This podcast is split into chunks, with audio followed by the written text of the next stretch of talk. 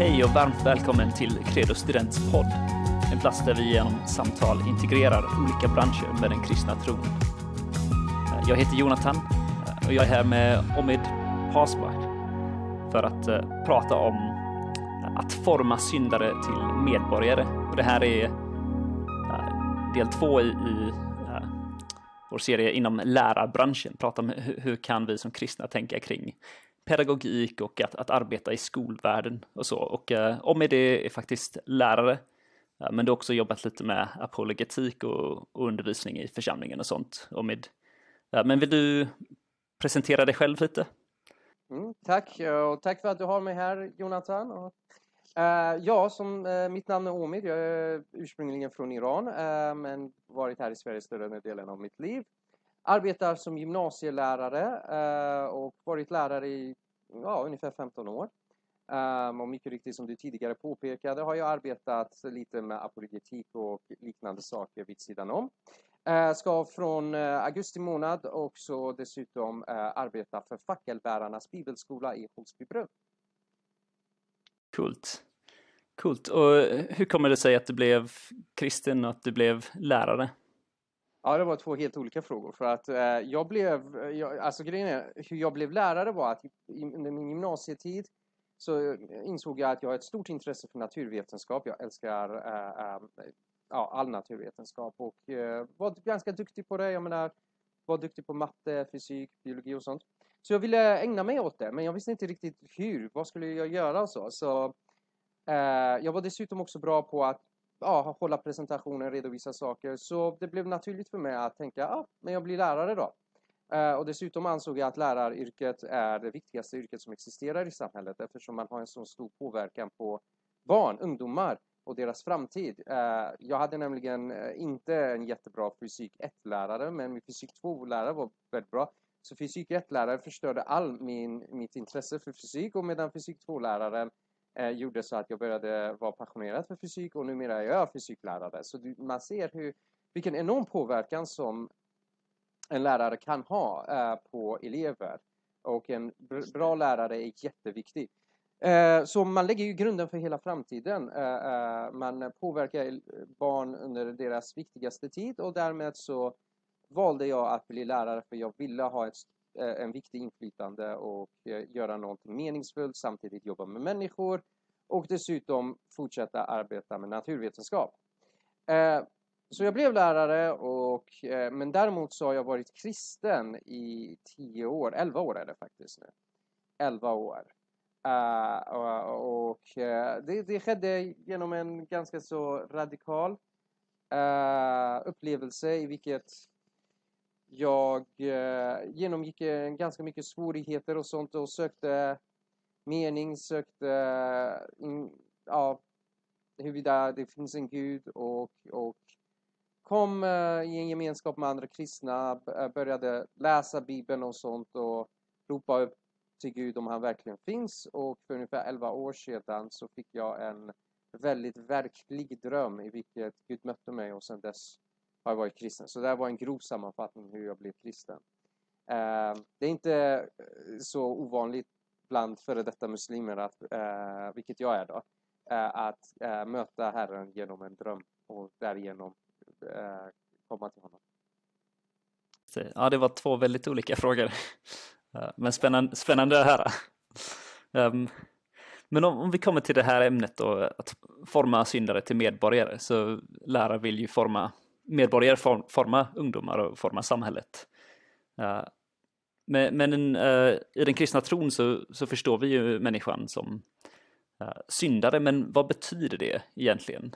Vad innebär det att människor är syndare? Mm, så för mig personligen, så när jag tänker på att människor är syndare, då tänker jag att alla människor har en, en stark benägenhet till sådant som är destruktivt, sådant som är ont, sådant som förstör.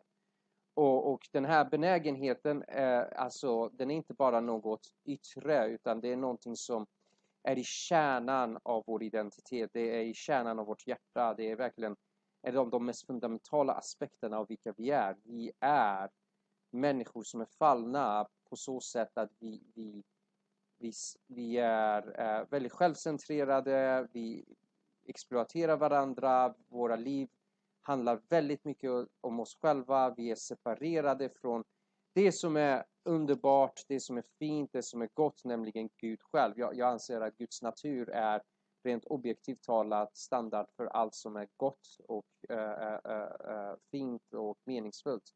Och vi är separerade från det och, och vilse och, och låter vår kötsliga begär styra oss till en hög grad i vilket någonting som är väldigt destruktivt. Och det är anledningen till varför ja, världen har genom åren varit så fylld med lidande och, och, och så vidare. Så jag, vad som jag, jag anser vara eh, liksom svaret på din fråga, vad menar vi med att människor är syndare? Ja, vi menar att människor har den här tendensen att, att följa deras eh, eh destruktiva begär helt enkelt. Just det, destruktiva begär. Det, det låter mer, hur ser det ut på en skola? Eller hur finner det uttryck? Det, det, det, det är väldigt intressant för då måste vi tänka oss vilken skola vi befinner oss i. Äh, befinner oss i lågstadiet eller mellanstadiet eller högstadiet eller gymnasiet. Det, det skiljer sig aningen och, och det finns en anledning bakom det.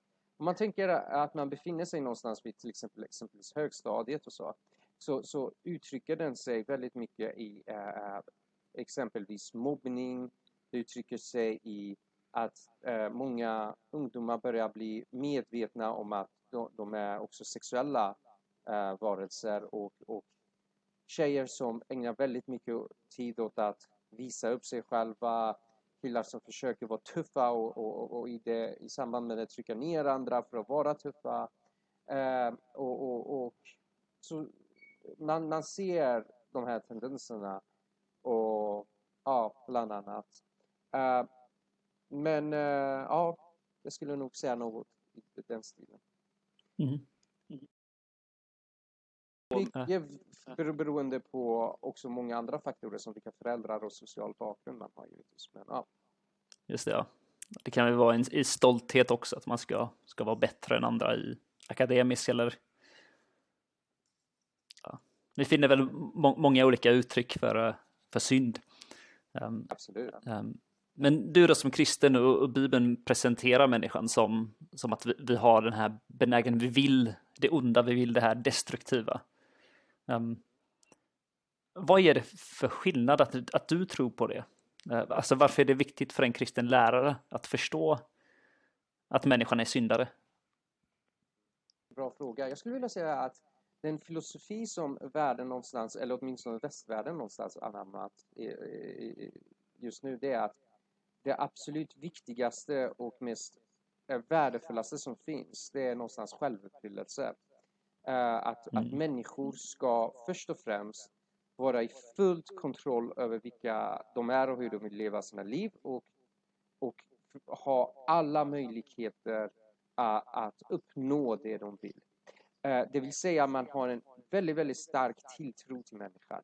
Vi människor vet vad som är bäst för oss. Vi människor ska ha så mycket frihet som möjligt att uppnå det som är bäst för oss, det vi, att bli de vi vill vara. Uh, uh, och, och, och, det är det högsta goda, den här självuppfyllelsen är den högsta goda. Det, det, det är liksom det, det är någonstans den filosofin som finns i västvärlden just nu och jag är egenskap av kristen absolut inte lika optimistisk. Uh, utan jag ser att någonstans människor drivs av det här destruktiva vi har pratat om, nämligen synden. Mm. Och då att säga till någon som drivs av något som är destruktivt. Jag menar inte människor bara och, och endast skulle drivas av en enda sak, nämligen synd. Men att det, det ändå ligger fundamentalt i människans natur, det här med synden.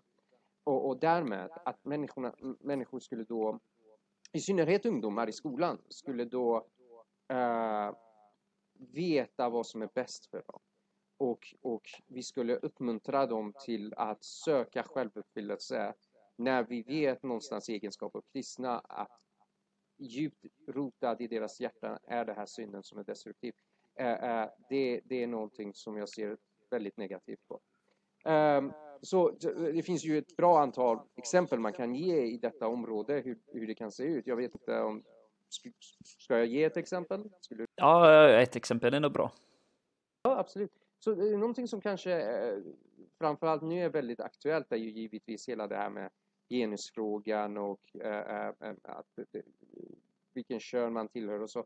Och, och, och den filosofi som någonstans finns i västvärlden är ju att om man någonstans känner att man är en han trots att man biologiskt sett är en hon så ska man kunna eh, eh leva ut som en han och betraktas som en han av andra. Eh, och om man varken ser sig själv som han eller hon så ska man kunna eh, se sig själv som något annat. och kallas hen och oavsett. Och det här har kommit väldigt eh, tidigt, eller rättare sagt det propageras väldigt tidigt i, i, skolor att alla ska kunna avgöra någonstans vilken kön de vill vara. För att det, det är ett steg i hela den här filosofin vi har att självuppfyllelse är det viktigaste som finns. Uh, och uh, därmed så talar man om för barn att du, du ska inte vara begränsad av din biologiska natur utan du ska söka efter självuppfyllelse och om den självuppfyllelsen du känner ska komma av att du byter kön eller börjar uh, bete dig på ett helt annorlunda sätt och uh, anamma en, en helt annan sexualitet. Uh, jättebra, underbart, go, go for it. Uh, liksom, det här är någonting du ska sträva efter, det, för det är det bästa som finns, att du ska sträva efter det som uppfyller dig.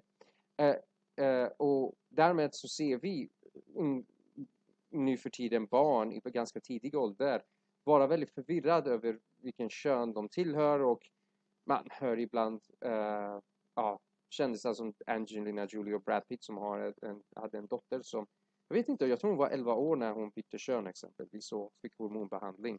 Sådant exempelvis. Uh, Okej, okay. så hur, hur ser jag till exempel på det som kristen? Jag är absolut inte lika optimistisk. Jag tror inte att barn och ungdomar vet vad som är bäst för dem. Jag, vet inte, jag tror inte barn och ungdomar kan göra så stora, eh, eh enorma beslut kring vilka de, vad deras identitet är. Och att, att de ska liksom uppmuntras i det hela. Utan jag ser eh, barn och ungdomar i stark behov av eh, eh vägledning av människor som har ge, alltså levt, människor som har erfarenhet av liv, människor som vet alla svårigheter som existerar med livet. De behöver vägledning, de behöver stabilitet, de behöver strukturer uh, uh, och, och väldigt uh, positiva institutioner som en stark kärnfamilj och sådant. För att de ska liksom verkligen blomstra i sådana sammanhang snarare än att bli vilsna i, i någon typ av eh, strävan efter självuppfyllelse som jag tror är falskt. Eh, så helt enkelt, jag tror att jag har en väldigt annorlunda syn på människor än vad många andra av mina kollegor exempelvis kan ha. Mm. Just det, så du menar mer att alltså, om, vi, om vi tror på synden och de här destruktiva tendenserna att, att man då in, inte i första hand behöver så mycket frihet som möjligt utan att man kanske, att strukturer är något som Gud ger oss för att, för vårt bästa, för att liksom fostra oss och, och eh, leda oss i, i, hur vi kan liksom, leva liksom, det goda livet. Definitivt, definitivt. Mm. Just det, och eh, jag, jag kommer att tänka på kanske mer liksom, vardagligt exempel. Uh, för jag, jag jobbade på en, en, en skola, eller en särskola, och där hörde man rätt så ofta att eh, barn vill alltid det bästa. Och eh, jag tror eh, många barn vill göra snälla saker ibland, men, men ibland är det ju så uppenbart. Alltså de, jag behöver inte tro att de vill det bästa. Jag kan säga att man, vi har dessa tendenser mot att, att vara själviska, att, att vilja skada andra, att vilja göra ont. Och det, ja, man behöver inte liksom bortförklara mobbning eller um, utåtagerande beteende utan man kan man känner igen den här, den här människan liksom, men det, det här passar väldigt väl med min uppfattning av, av hurdan en människa är. Mm. Jag tror det stämmer överens med verkligheten väldigt bra också. Uh, om man inte går för långt och, och så, ja, säger att det finns inget, uh, inget alls som kan kallas på något sätt gott. Men uh, Nej, och det gör vi ju inte som som kristna, eh, utan vi måste ju inse att Bibeln säger att människan är skapad till Guds avbild. Så att även om Mm. eh, vi, vi, vi, vi, har, vi är syndiga, vilket vi absolut är, så säger det ju inte att vi inte eller har Guds avbild. Bibeln säger att Gud, Gud har placerat sina moraliska lagar i var och en av oss, i vårt samvete. Det finns mycket som är gott också med människan. Mm. Ja, precis. Och det att kristendomen har just de här båda två. Personligen tycker jag gör att det är en väldigt övertygande världsbild. Um, och har mycket att ge då att, eh, hur man hanterar um, ja, livet. Ehm, inte minst uh, läraryrket.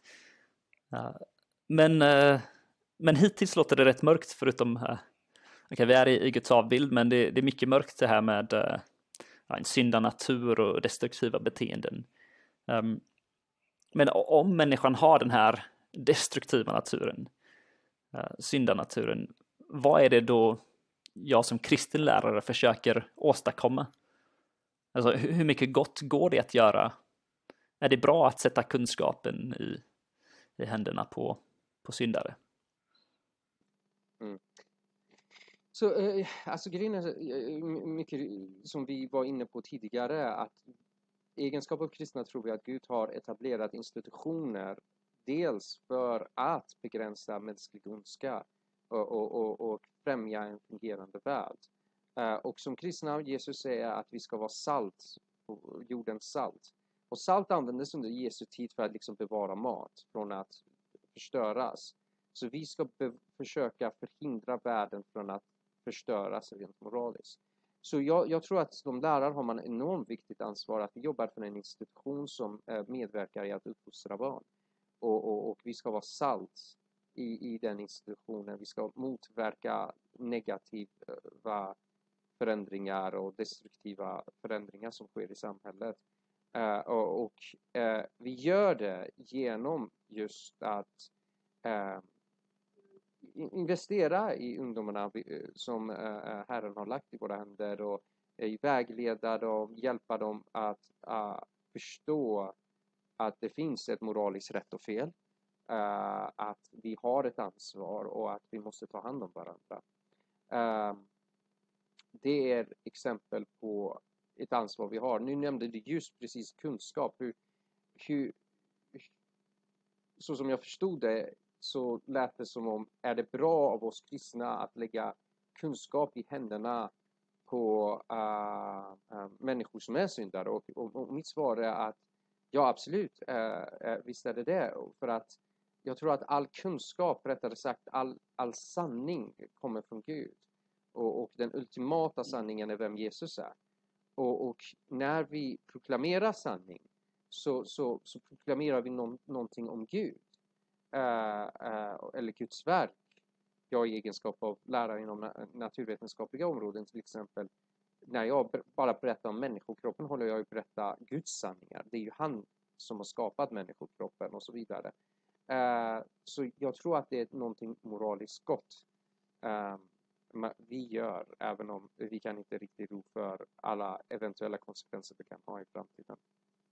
Mm. Just det, du menar liksom att skapelsen är någonting som pekar på Gud och som ärar honom. Och, jag tror, jag tror att skapelsen är ju Guds verk och att förklara skapelsen är ändå någonting värdefullt i sig. Sen kanske inte alla ser att skapelsen pekar på Gud. Jag tror att skapelsen definitivt pekar på Gud, men i synnerhet ungdomar i västvärlden, i Sverige, är ju helt eh, ointresserad av att se kopplingen mellan skapelsen och skaparen. Eh, så, så, Men trots det så ser jag att ja, det är värdefullt att ge ut sanning och kunskap. just det, man ger ändå den här möjligheten för att känna igen, eller för att den heliga anden att, att göra sitt verk i, i någon.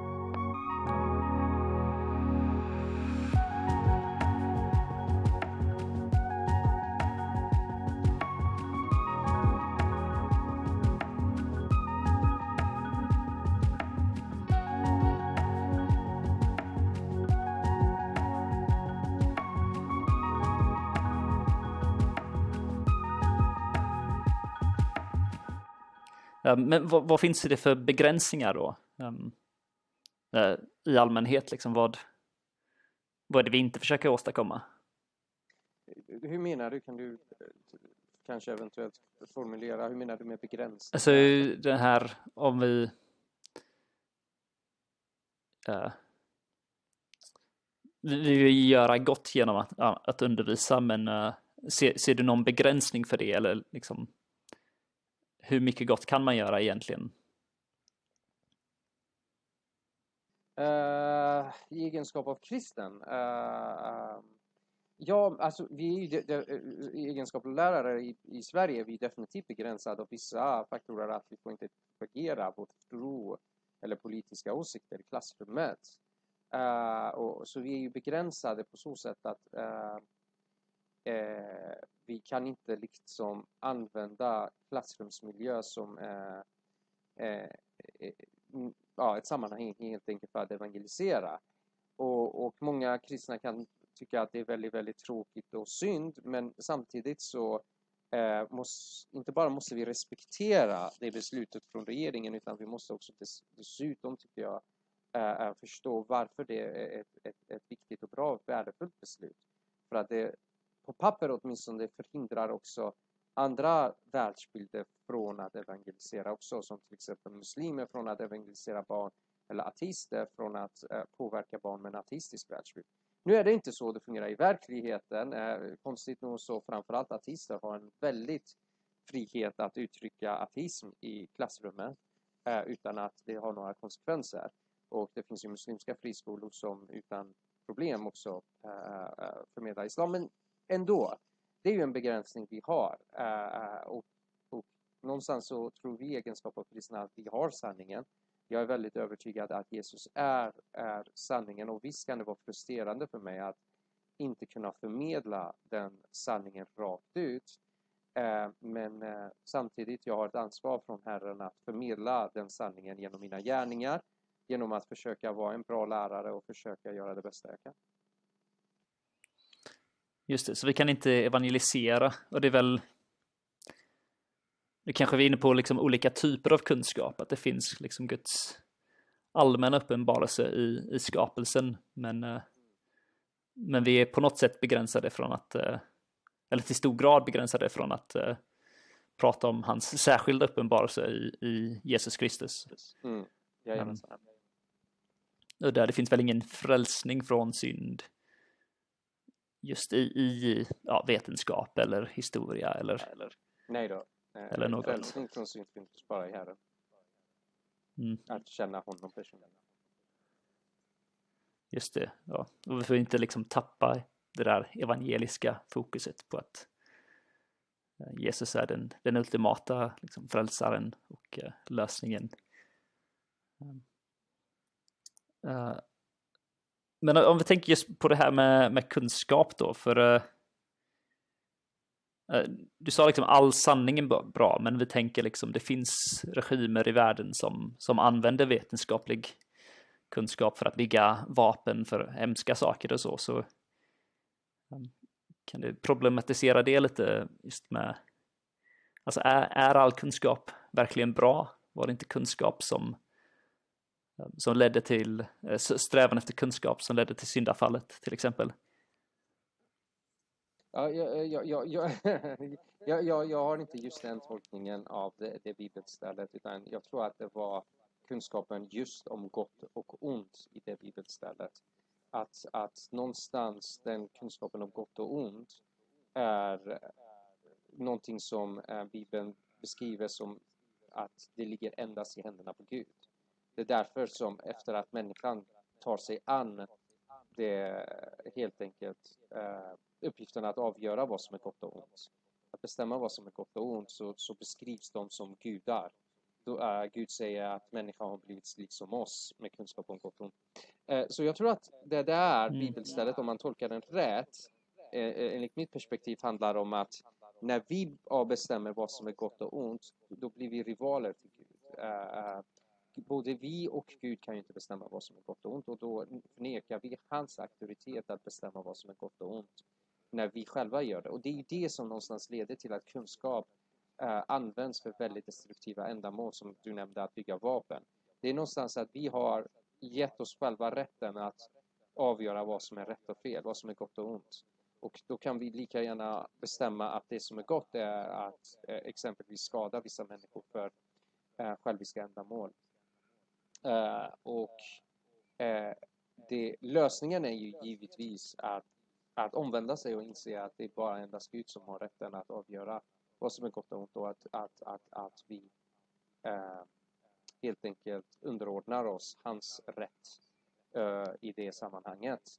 Eh, men med det sagt så är det givetvis självklart problematiskt att man ger människor det här verktyget, och nämligen kunskap, och, och man vet inte hur de kommer använda det. Men, men samtidigt, liksom, jag ser att man själv är, är en, hur ska jag uttrycka det? Man är ett instrument för sådant som är gott. Men att vara ett instrument för sådant som är gott, kan inte, då, då är vi inte liksom ansvariga för eventuella negativa konsekvenser. Du menar den kristna då är? Ja, precis. Vi, att den kristna är ett instrument för Guds, överhuvudtaget, Guds överhuvudtaget alla lärare, även kristna och icke-kristna lärare, vi, vi gör något gott i att hjälpa barn förstå världen. Uh, och, och då, då, kan man inte liksom eh, lägga någon typ av uh, skuld över oss när den kunskapen används felaktigt. Det skulle vara som att man skuldlägger Jesus för alla hemska saker kristna har gjort i hans namn Eh, eh, eh, och försökt få, få makt och kontroll över andra människor eller exploatera andra människor med hänvisning till Bibeln eller så vidare. Jesus är inte ansvarig för det.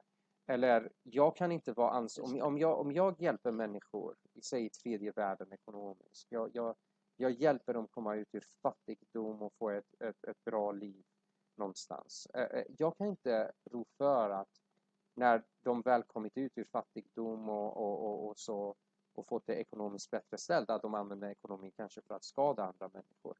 Det betyder inte att min, min hjälp i sig var något negativt. Och jag ser läraryrket ungefär på samma sätt. Eh, att eh, eh, vi i egenskap av lärare gör något gott, vi är instrument i det goda.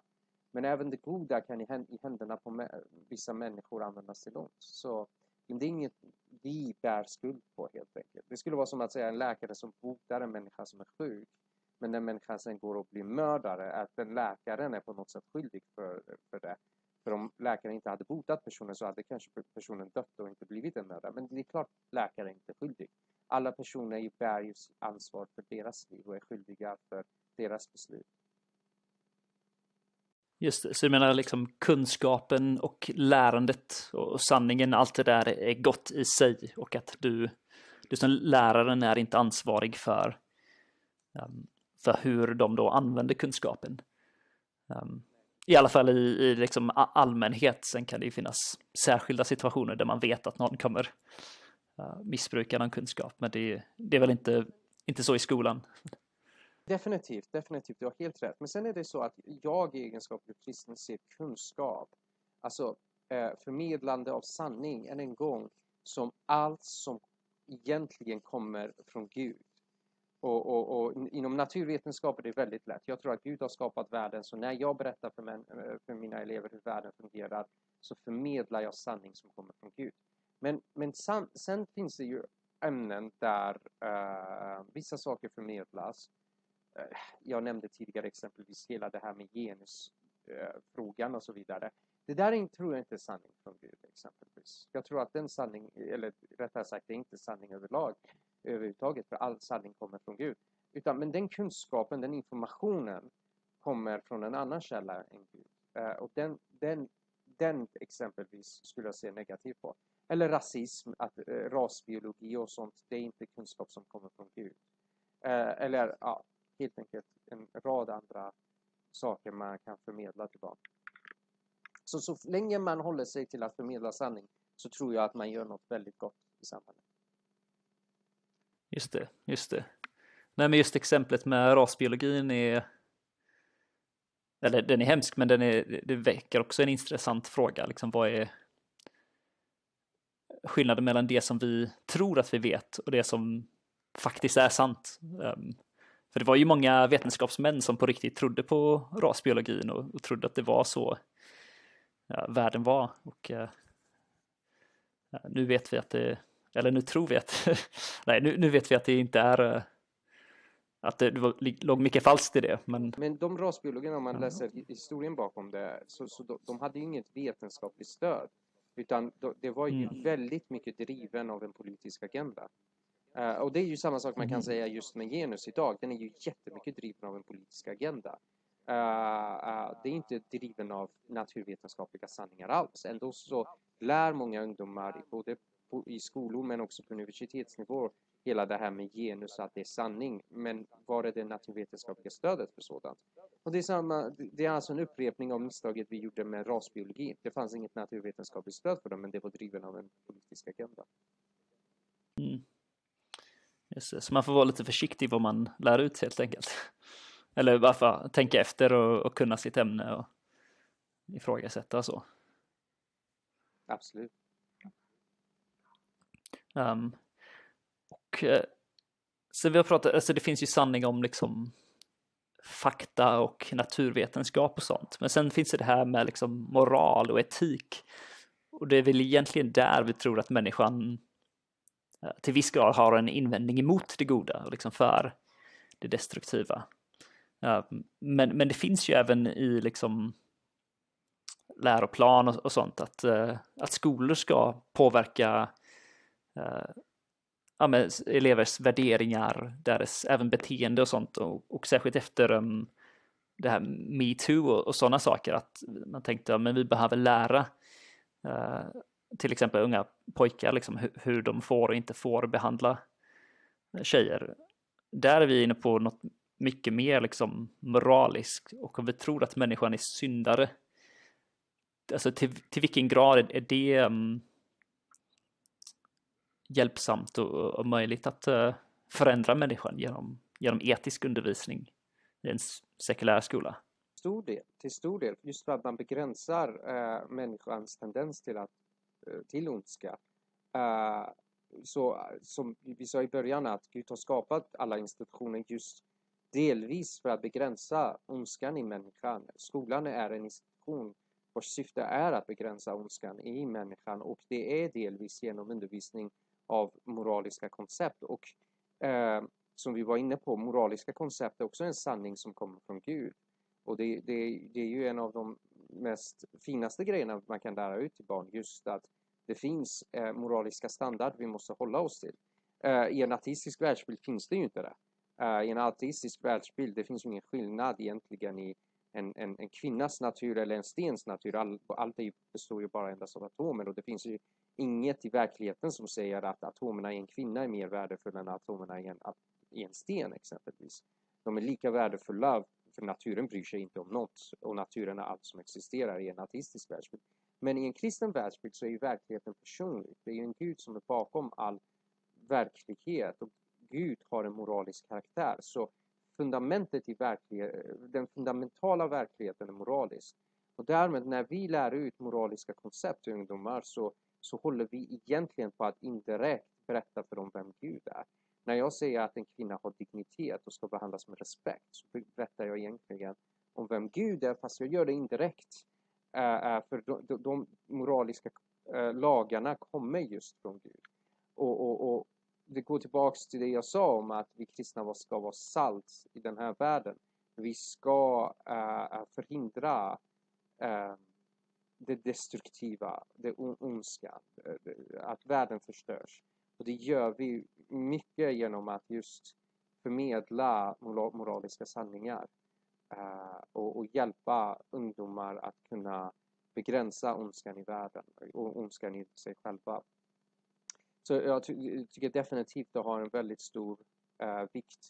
Eh, jag tror att ett misstag många kristna gör, det är ju att Eh, eh, och, och, och, det här kan eventuellt vara lite kontroversiellt, i, i synnerhet i, i eh, många amerikanska kyrkor idag är det en mycket stor, häftig diskussion kring det här med vad de kallar social justice och så vidare. Hur mycket ska kristna egentligen bry sig om rättvisa i samhället och, och sådant? Uh, uh, det är en häftig diskussion just i USA, men jag, jag, tror att Ett misstag ibland kristna kan eventuellt göra, det är att de kan begränsa tron till att handla mycket om eh, eh bara och endast det andliga eller livet efter döden. Eh, eh, att det är det viktigaste. Liksom. Det, det, är allt vi ska fokusera på. Var, var, var ska vi ägna e, e, evigheten? Liksom? Himmel eller helvete och sådana frågor. Eh, och, och, självklart handlar den kristna tron om det. Det är det, det, det, absolut viktigaste och mest eh, värdefullaste en människa kan göra, en kristen kan göra, att hjälpa en annan människa att se att sanningen finns i Jesus. Men den kristna tron handlar mer, inte bara om det, utan också mycket mer. Den kristna tron handlar om att förhärliga Gud genom att äh, äh, göra gott, älska din nästa, äh, hjälpa människor oavsett om de nu vänder sig till Herren eller fortsätter att vara vända ifrån Herren så är de människor Guds avbilder och Eh, vi ska älska vår nästa och genom att älska vår nästa och genom att sträva efter att förhärliga Gud genom att göra gott så, så tror jag att vi gör något väldigt värdefullt för Gud. Och, och, det får vi som kristna inte glömma bort. Vi får inte tro att allt handlar om att evangelisera och få människor att komma till himlen. Eh, utan det handlar mycket om att förhärliga Gud genom att visa hans kärlek och omtanke. Eh, och, och det gör vi när vi hjälper ungdomar ta rätt väg i sina liv och, och inte följa ett spår som är destruktivt, eh, även om de inte blir kristna. Just det, och det, det du sa om liksom, uh, moral och rätt och fel och så, det får man tänka på i Romarbrevet 2 där det pratar om liksom, Guds lag är skriven på hedningarnas hjärta. Att på något sätt att alla människor ja, kan till någon grad känna igen rätt och fel. Och eh, ja, kanske vi kan hjälpa främja det som uh, ungdomar känner i sig och hjälpa dem känna igen Guds lag um, och det goda genom, genom att bejaka uh, det, samvetet och, och att, ja, att främja, främja det. Absolut. Um, och eh, sist men inte minst då, efter allt vi har sagt, eh, har du någon råd till eh, någon som tänker bli lärare? Du menar människor som för närvarande kanske till exempel studerar till att bli lärare? Ja, ja jag tänker främst lärarstudenter. Jag, får väl eh, bara upprepa en, en, en berömd fras från eh, filmen Forrest Gump. Run Forrest, run! nej, men, nej, men eh, nej. Eh, alla som blir billärare, jag skulle vilja säga att ni har, eh, ni har valt ett väldigt, väldigt bra yrke som eh, kan vara väldigt utmanande ibland, men som är väldigt, väldigt viktigt. Där ni kommer ha en stor inverkan i människors liv. Så jag skulle vilja säga, och det, till och med en inverkan som kan förbli kvar med de människorna för resten av deras liv. Så jag skulle vilja ge det här rådet till er.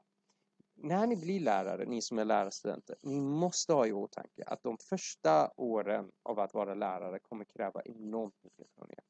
En enormt stor arbetsinsats. De, liksom, eh, de första åren kommer ni jobba väldigt mycket övertid och resterande år kommer ni ha det betydligt mer lugnt.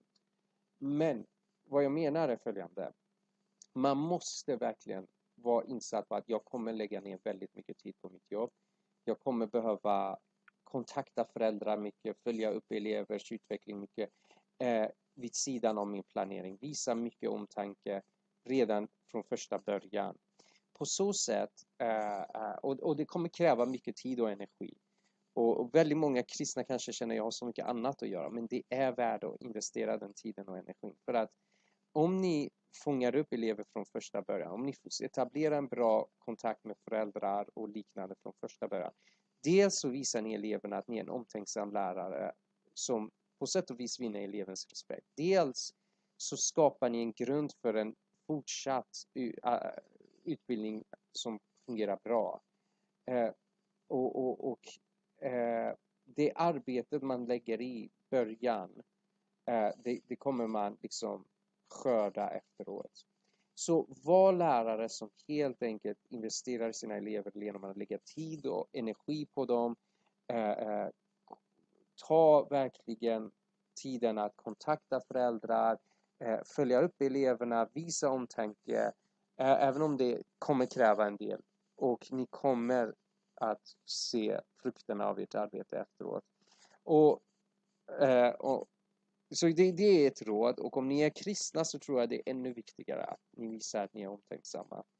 Eh, jag tror att det är viktigt att vi som kristna visar att vi bryr oss om människor, att människor har ett högt värde i våra ögon och, och, och, och det är väldigt viktigt för oss hur de mår och, och deras liv. Eh, för att vi på något sätt ska reflektera Jesus som bryr sig om människor. Just det, tack. Um, men då för att sammanfatta, vi har fått höra om uh, att forma syndare till medborgare och om det pratat om uh, delvis människans syndanatur, att vi, vi ägnar oss åt det destruktiva. Uh, men samtidigt att genom institutioner och um, och sådant som Gud har gett oss och, kunskap om, om världen som Gud har skapat är ändå gott och det, och det finns mycket gott vi kan göra som lärare.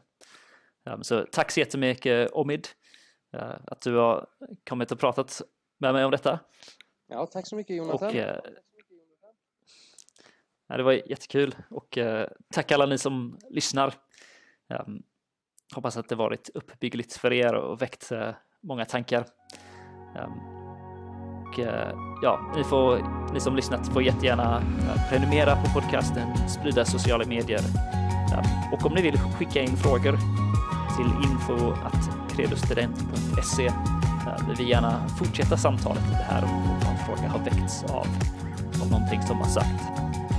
Det här är inte slutet på samtalet utan bara början.